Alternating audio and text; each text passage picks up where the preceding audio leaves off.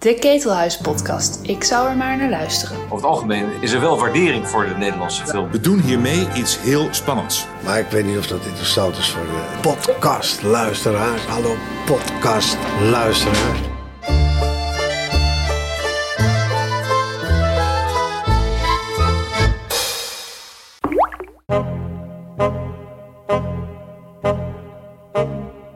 Welkom bij de 49e editie van de Ketelhuis Podcast. We reizen weer eens af naar de filmzolder van Berenkamp. Oud-filmjournalist Hans Berenkamp en Basje Boer zetten hun tanden dit keer in acteur-regisseur Clint Eastwood. Maar ook Barbara Streisand en Woody Allen passeren de revue, evenals Alex van Warmerdam, Martin Koolhoven en Raymond Thierry.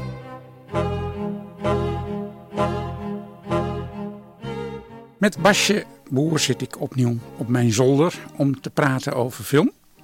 En nadat we twee keer het over uh, typische vrouwenonderwerpen hebben gehad, dacht ik, we, moeten nu... en wraak. ja, we moeten het nu eens over, uh, over een macho gaan hebben. En omdat ik toch al toevallig de laatste tijd heel veel films van Clint Eastwood had gezien op Netflix, dacht ik, laten we het eens over de wereld Mondo Clint Eastwood hebben. Ja. Uh, toch een auteur met een imposant oeuvre. En uh, ja, voor veel mensen toch wel een soort standaard uh, macho-type. Ja. Wat, wat vind jij van, uh, van Clint?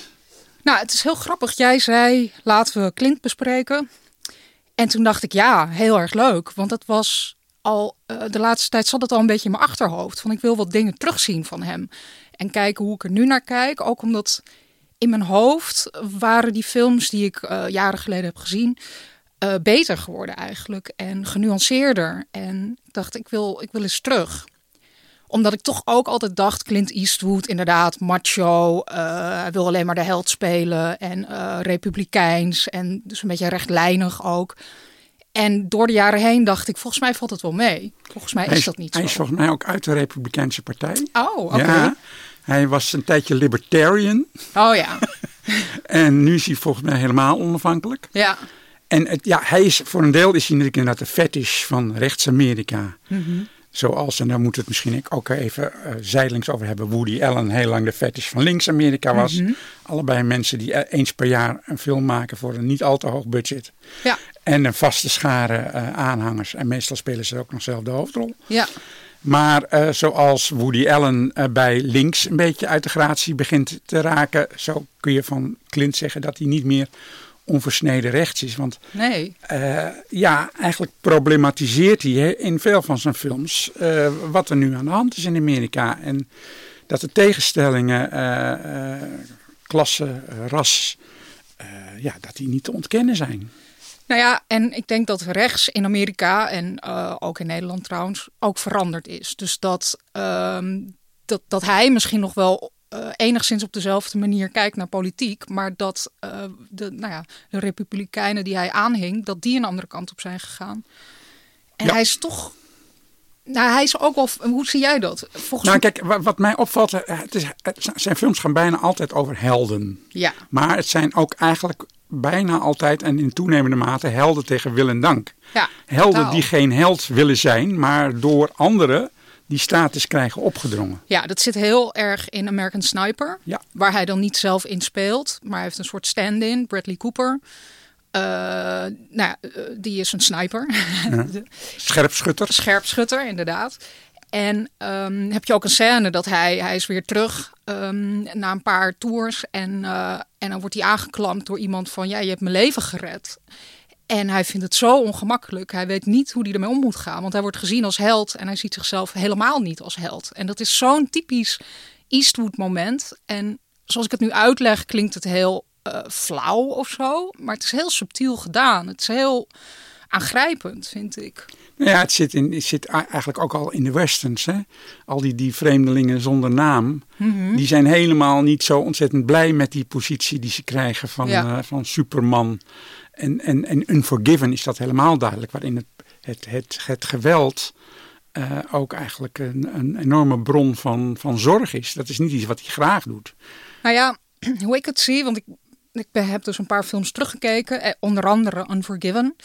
Film uit 1992. Volgens Mhm. mij de eerste waar hij echt eh, nou, hij won de Oscar voor beste film en beste regisseur. Dus de eerste echte, nou ja, ehm, waar die echt respect voor In kreeg. Amerika, hè? In Want, Amerika. want in Europa was dat al een Ah, tijdje gaande. Oké, Ja. oh, dat wist ik niet. Ja. Ehm, en ehm, dus ik heb die film weer gekeken en ik ben ook nog wat verder terug in de tijd gegaan naar High Plains Drifter. De eerste western volgens mij die hij zelf regisseerde. Ja.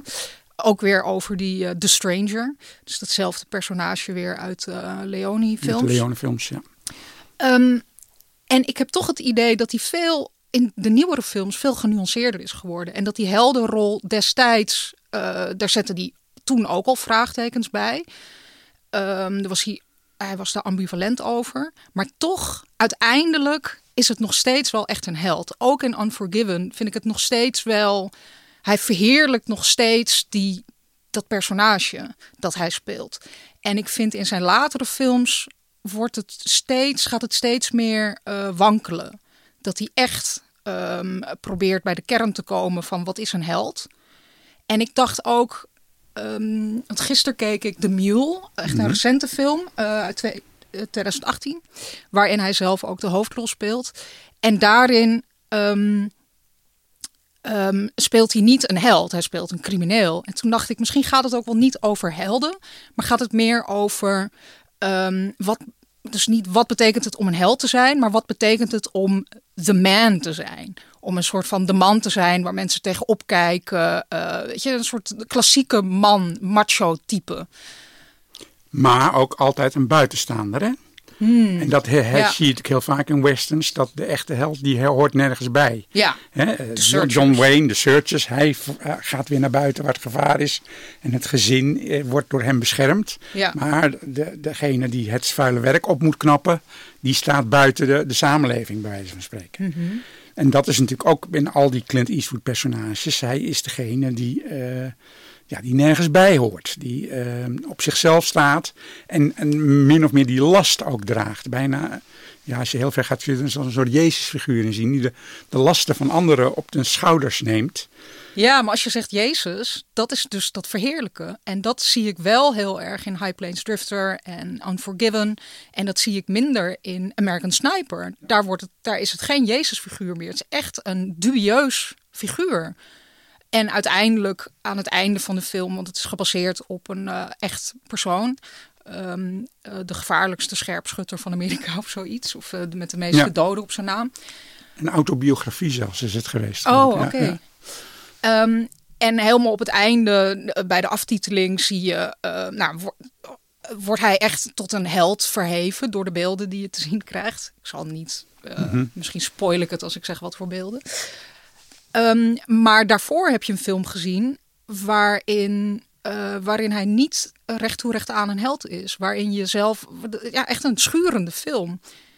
Ehm, ja, ik las ook eh, op, eh, op Letterboxd. Dat is zo'n, hoe moet je dat noemen? Een soort social medium voor, Voor, film. voor filmfreaks. Ja, en, eh, en dan zag ik een paar mensen die ik hoog heb zitten, die veel van film afweten. En die vinden American Sniper echt helemaal niks. En die zeggen, ja, deze film verheerlijkt oorlog en verheerlijkt eh, eh, ja, Amerika en geweld.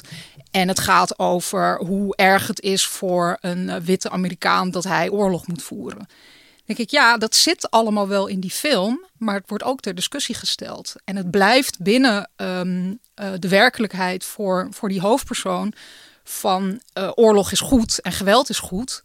Dus je ziet inderdaad verheerlijking van oorlog en geweld. Maar tegelijkertijd zie je ook hoe hij niet hoe hij daarover twijfelt en daarmee worstelt. Nou, voor mij is in dat opzicht een soort sleutelfilm in het late oeuvre van Eastwood is, is Gran Torino. Heb je die gezien? Nee, die heb ik dus nooit gezien. Ook omdat ik er een beetje tegenop zie. Nou kijk, daar zie je het heel duidelijk wat er aan de hand is. Kijk, eh, hij speelt een, Eastwood speelt een alleen wonende Korea-veteraan die eigenlijk nooit meer goed heeft kunnen aarden in, eh, in, de, in de samenleving. En die krijgt op een gegeven moment buren en dat zijn Vietnamezen. Maar het zijn eigenlijk ook niet Vietnamezen. Ze behoren weer tot een minderheid onder de Vietnamezen. En dat zijn ook buitenstaanders die ook helemaal nergens bij horen. Ja, En er is natuurlijk heel veel racisme. En hij herkent dat en hij ver- verweert zich daartegen. Want hij herkent, in die andere, eh, ehm, em, eh, in zijn buren, die buitenstaande positie. En dan is er een zoon en die wordt ontzettend gekoeioneerd door een bende van andere Vietnamezen. Ja. En eh, ja, dan wordt hij op een gegeven moment dus toch Dirty Harry. Ja. Hè, make my day punk. Ja. Dat hij dus ingrijpt. Met andere woorden, hij ziet heel goed wat er in de samenleving aan de hand is. Hij, hij heeft een goede analyse van de tegenstellingen die er in Amerika zijn. Alleen is zijn conclusie altijd dat de enige oplossing komt uit de loop van een geweer. Ja. En, en, en dat vindt hij dan ook heel vervelend om te moeten doen. En hij vindt het een hele akelige conclusie. Ja. En hij, eh, uiteindelijk rekent hij ook af en zorgt hij ervoor dat zijn buren en hij zelf verder vreedzaam kunnen leven. Maar hij heeft daar wel ehm, ja, geweld voor moeten gebruiken. Ja. Eh, nee, sterker nog, nou ja, ik, ik zal niet verklappen hoe het afloopt, maar het, het- de, de oplossing is geweld. Ja. En daar, maar dat vindt hij niet leuk. Nee. Maar en speelt het nog een rol dat in Gran Torino, dat is ook een film, een redelijk recente film, 2000. Vijf of zo. Oh, oké. Ja, zoiets. Eh, hij is dan al een oudere man. Ehm, is dat, maakt dat het een andere situatie als het een jonge man was geweest, die eh, dus gewoon zoals hij was in al die westerns waar hij in speelde, die overgaat tot geweld, is dat anders dan als een oudere man dat doet? Interessant. Ik ja, denk dat het een andere implicatie heeft. namelijk. Ehm, het maakt hem kwetsbaarder. En eh, dus je gaat wat meer mee. Ik heb Gran Torino niet gezien, dus ik kan dat niet. Ik, ik zit nu echt een beetje eh, te filosoferen in het wilde weg.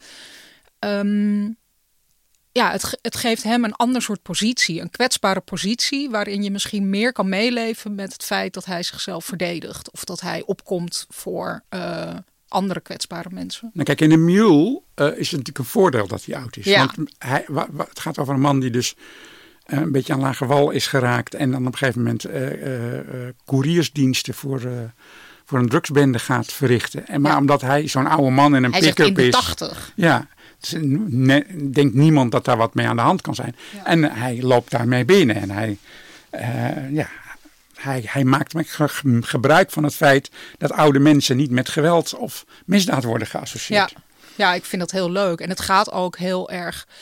ehm, het is best wel een lichtvoetige film. Er zit iets heel liefs in. En je ziet hem ook interact. Doordat hij dus die, eh, die couriersdiensten doet, eh, komt hij ineens weer een beetje in de wereld eigenlijk. En dan zie je hem interactie hebben met, met mensen.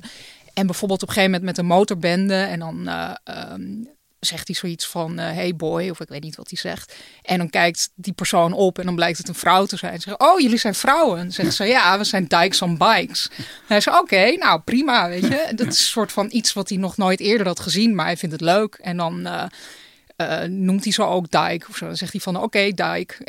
is wel heel onhandig, maar schattig. En op een gegeven moment helpt hij ook twee mensen die langs de weg staan. Dat zijn Afro-Amerikanen.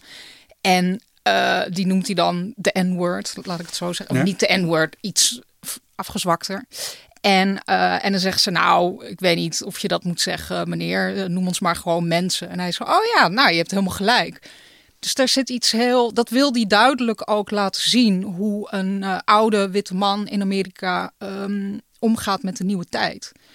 Dat is heel, ja, dat siert hem ook. Nou ja, kijk, waar je bijvoorbeeld Clint nooit van hebt kunnen verdenken is racisme. Omdat Hmm. hij in zijn, al zijn films natuurlijk ook altijd aandacht heeft gehad voor bijvoorbeeld de Afro-Amerikaanse cultuur. Hij heeft Bird gemaakt. eh, Hmm. ja, Charlie Parker. Over Charlie Parker. En eh, meer films waarin hij echt, nou ja, zeker niet het standaard stramien van rechts-Amerika eh, Nee. volgt. Maar het zit dus wel. Ik keek High Plains Drifter dus opnieuw. En helemaal in het begin. De Stranger komt in een, in een stadje. Heel klein stadje. En, eh, en een van de eerste dingen die hij doet is een vrouw verkrachten. Ja. Die per ongeluk tegen hem aanloopt. En dan wordt ze boos. Nou, en, nou, per ongeluk. Ik heb hem ook gezien. ja, Ik, eh, hij zegt, eh, die vrouw loopt heel ostentatief hem omver. Ja. En dan zegt hij, als je mijn aandacht wil, kan je dat ook op een andere manier doen. oh, dus dat wordt geïnsinueerd. Dat zij dat wordt geïnsinueerd dat zij eigenlijk hem uitdaagt. Ja. En hij eh, pakt haar dan en hij dat, dat, hij neemt er echt mee naar een neemt soort... ermee, sleept er aan de haren naar een hooiberg. Ja, en verkrachten. Ja, want en, dan maar- zegt ze wel En dat heel- vindt ze nog lekker ook, want Dat- dat wordt gesuggereerd. Ja, en daarna doet hij het bij een andere vrouw weer. Ja. En die, eh, tenminste, die zegt dan niet nee uiteindelijk. Maar die zegt in eerste instantie zo van nee en dan ja. Dus het gebeurt twee keer. En elke keer is het van eh, ja, maar ze, eigenlijk willen ze het wel. En het grappige is dat ik gewoon helemaal niet eens gechoqueerd was. Dat ik denk van Ik was ja, heel benieuwd hoe jij daarop zou reageren. ja, ik, ik probeer toch altijd te kijken naar van wat zegt mijn gevoel hierover. En soms gebeurt er iets wat veel minder extreem is dan dit. En dan denk je, dit is echt niet oké. En hierbij dacht ik, ik vond het gewoon echt een beetje lachwekkend. Omdat het zo over de top cliché is met zo'n hysterische vrouw... die dan de mond wordt, wordt gesnoerd door haar mee te nemen naar Ja. die hooiberg. En, eh, en dan vindt ze het eigenlijk wel oké. Ja, het is... Ik weet het niet. Ja, ik, ik ben er niet voor. maar Nou, kijk, wat je wel kunt voorzichtig misschien kunt formuleren, is dat eh, vrouwen in Eastwood films eh, bijrollen hebben en, en, en eigenlijk ook eh, ja, da- dat hij daar niet goed mee weet wat hij ermee moet. Maar in Unforgiven eh, gaat het iets beter. Want dat gaat over. ehm, eh, eigenlijk, het begint al met. eh, je, je valt meteen in eh, waar de, de rest van de film over gaat. Tenminste, qua plot. Namelijk een bordeel. ehm, het is dus een western. En, en daar wordt een vrouw aangevallen door een van haar klanten. Want kennelijk heeft ze, hij trok zijn broek uit en toen moest ze lachen. En dat vond hij zo erg dat hij haar verminkt. Ehm, en, eh, en er zijn meerdere mannen in dat bordeel, die horen allemaal bij elkaar en die gaan daar goed tekeer. En vervolgens worden zij eigenlijk geschoffeerd door de autoriteiten, dus door de, de sheriff van het stadje. En die is eigenlijk alleen maar bezig met de bordeelhouder van dat die gecompenseerd moet worden, want dat zou ook zo zijn als een pon- ponies waren gestolen of zoiets. Ja, het wordt vergeleken met als je vee houdt. Ja, ja. En ehm, die vrouwen die accepteren dat niet. Dus die, die zetten een prijs op het hoofd van, of op de hoofden van die mannen die dit hebben aangericht. En dan komt uiteindelijk Clint Eastwood erbij, die dan eh, die ook al wat ouder is dan. En, eh, en die gaat met twee andere mannen eh, achter die kerels aan. Maar daar zit dus wel, ja, ehm, die vrouwen komen wel voor zichzelf op. Het zijn kleine rollen, maar wel ehm, mooie rollen vind ik. Die vrouw die verminkt is, is een hele ontroerende rol. En de, de, de, ja, de leider van de, van de prostituees is ook een mooie rol. Had voor mij nog wel iets meer uitgewerkt mogen worden. Nou, Million Dollar Baby is natuurlijk een film die helemaal over vrouwen gaat. Ja, Vrouwelijke boxers. ja, Eh, en maar toch heb ik het gevoel dat, dat hij eh, meer eh, affiniteit heeft met mannen van een andere cultuur en Ja. etniciteit. zeker. Dan vrouwen van zijn eigen achtergrond. Ja, nee, dat denk ik ook. Ik vond Million Dollar Baby echt helemaal goed, niks hè? aan. Nee, Nee, niet zo goed. Vond ik ook. En hij heeft ook nog Changeling gemaakt en die heb ik nooit gezien. Ja, dat is inderdaad wel interessant. Dat is ook een interessante vrouwenrol. ja. Voor een vrouw die een gerechtelijke dwaling, eh, waar zij het slachtoffer van is, probeert. eh, ik weet niet meer precies hoe dat nou zat, maar het was in ieder geval, ik herinner me vooral dat het een mooie vrouwenrol was. Ja. Ja. Maar ik heb het idee dat hij in die periode echt achter de Oscars aanging. Zo van, ja. nou, ik ga mooie... Echt als regisseur probeerde hij zich ook te ontwikkelen. Ja. En eh, recenter is hij teruggekomen bij zijn thema's. En speelt hij ook zelf weer eh, vaak de hoofdrol. En eh, wat je net al zei, het zijn vaak een beetje low-budget films. Het gaat hem niet om... Het ziet er ook heel eenvoudig uit. Terwijl in Unforgiven probeert hij echt esthetisch iets te doen. En High Plains Drifter ziet er trouwens ook heel mooi uit. Vind ik visueel heel sterk. Ehm, maar in dan American Sniper is heel recht toe recht aan. En eh eh, The Mule al, heel, al helemaal. Maar wat ik wel heel eh, tof vind bij die films, en eigenlijk eh, veel mooier dan, eh, dan die oudere, prestigieuze films, is dat hij een soort realisme laat zien. Ehm, en een beetje, ja, echt de levens van gewone Amerikanen. Dat kan hij heel goed in beeld brengen. Dus je hebt in de Mule ook een moment, dan is er een soort bruiloftsfeestje. En dan, dan staan mensen in een woonkamer op, op een soort dansvloer. En dan wordt er gewoon hele slechte muziek gedraaid. Met een hele slechte geluidsinstallatie. En dan denk ik, ja, natuurlijk. Ja. eh, want in een Nancy Myers film, die bekend is met haar romcoms, zou er dan heel eh, goed geluid te horen zijn en eh, mooie soul of weet ik veel wat. Maar dit, is, dit zijn gewone Amerikanen en die dansen op hele slechte, ordinaire muziek. En dat vind ik, dat zie ik niet zoveel in films. Ik, vond het, ik vind het heel mooi.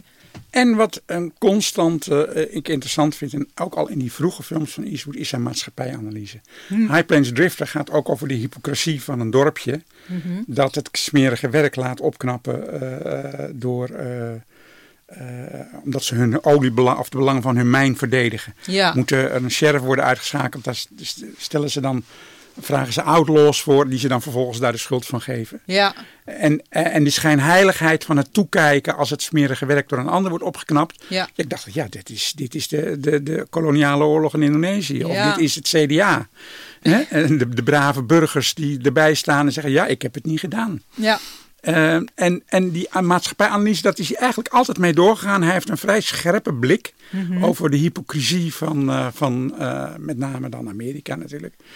Ja. Alleen heb ik het idee dat in die vroege films was het meer hypothetisch. Mhm. En in zijn nieuwere films wordt het meer persoonlijk. Of Hm. wordt het, komt het dichter, ja, zit er meer gevoel in. En daardoor komt het ook meer aan, vind ik. Dus hij maakt ook geen westerns meer. Hij maakt Nee. films die zich nu afspelen. En dat is natuurlijk ook al een groot verschil. Ja, dat is waar, ja. Ja, Wat, wat vind jij van eh, mensen, eh, eh, sterren die zichzelf regisseren? Hoe, hoe, hoe doen ze dat eigenlijk? Dat vraag ik me altijd af. ja. ja. Eastwood doet het echt goed, vind ik. Want het is gewoon en wel echt een capabele acteur. eh, in de juiste rollen althans. En hij kan ook echt wel regisseren en gewoon, hij heeft iets te vertellen.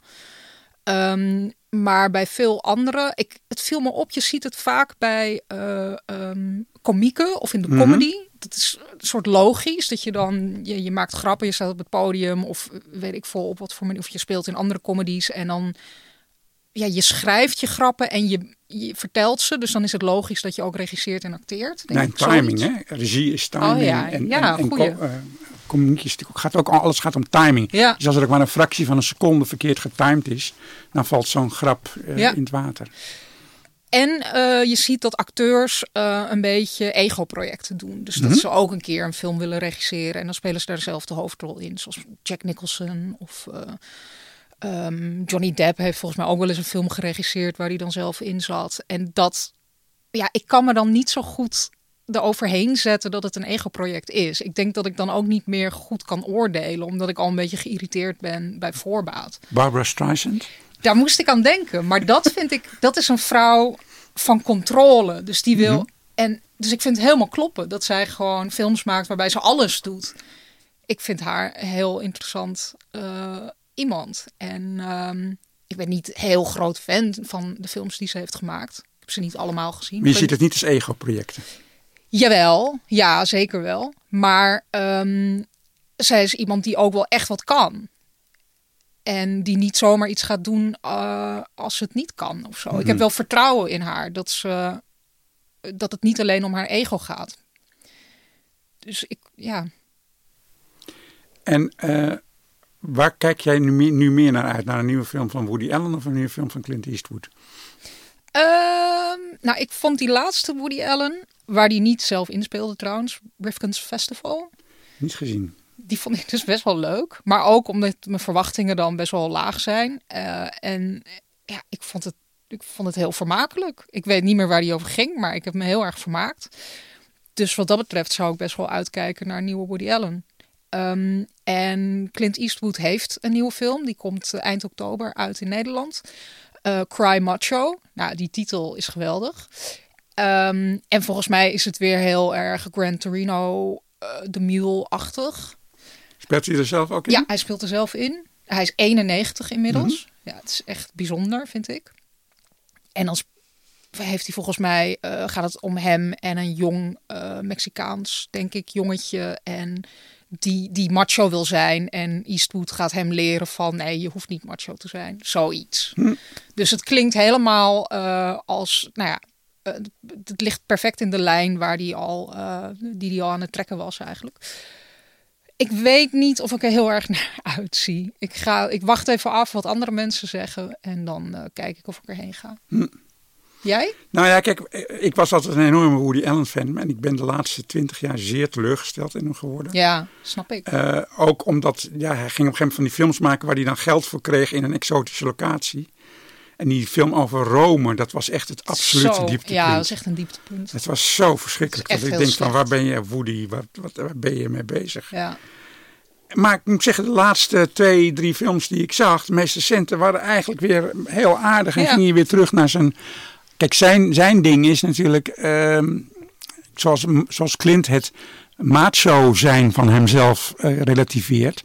Zo relativeert, relativeert hij de positie van eh, de, de, de zachte Joodse slemiel eh, die het van zijn, niet van zijn looks moet hebben, maar van zijn, maar van zijn, zijn ge- gevatheid en zijn, zijn charme. Ja. Eh, maar dat proble- problematiseert hij ook. Ja. Dus in feite, naarmate ze ouder worden, maken ze allebei films die daar een beetje de spot mee drijven. Ja. De Clint veel duidelijker dan bij Woody. Ja. Maar er zitten zoveel parallellen, ook tussen stad en, en, en platteland.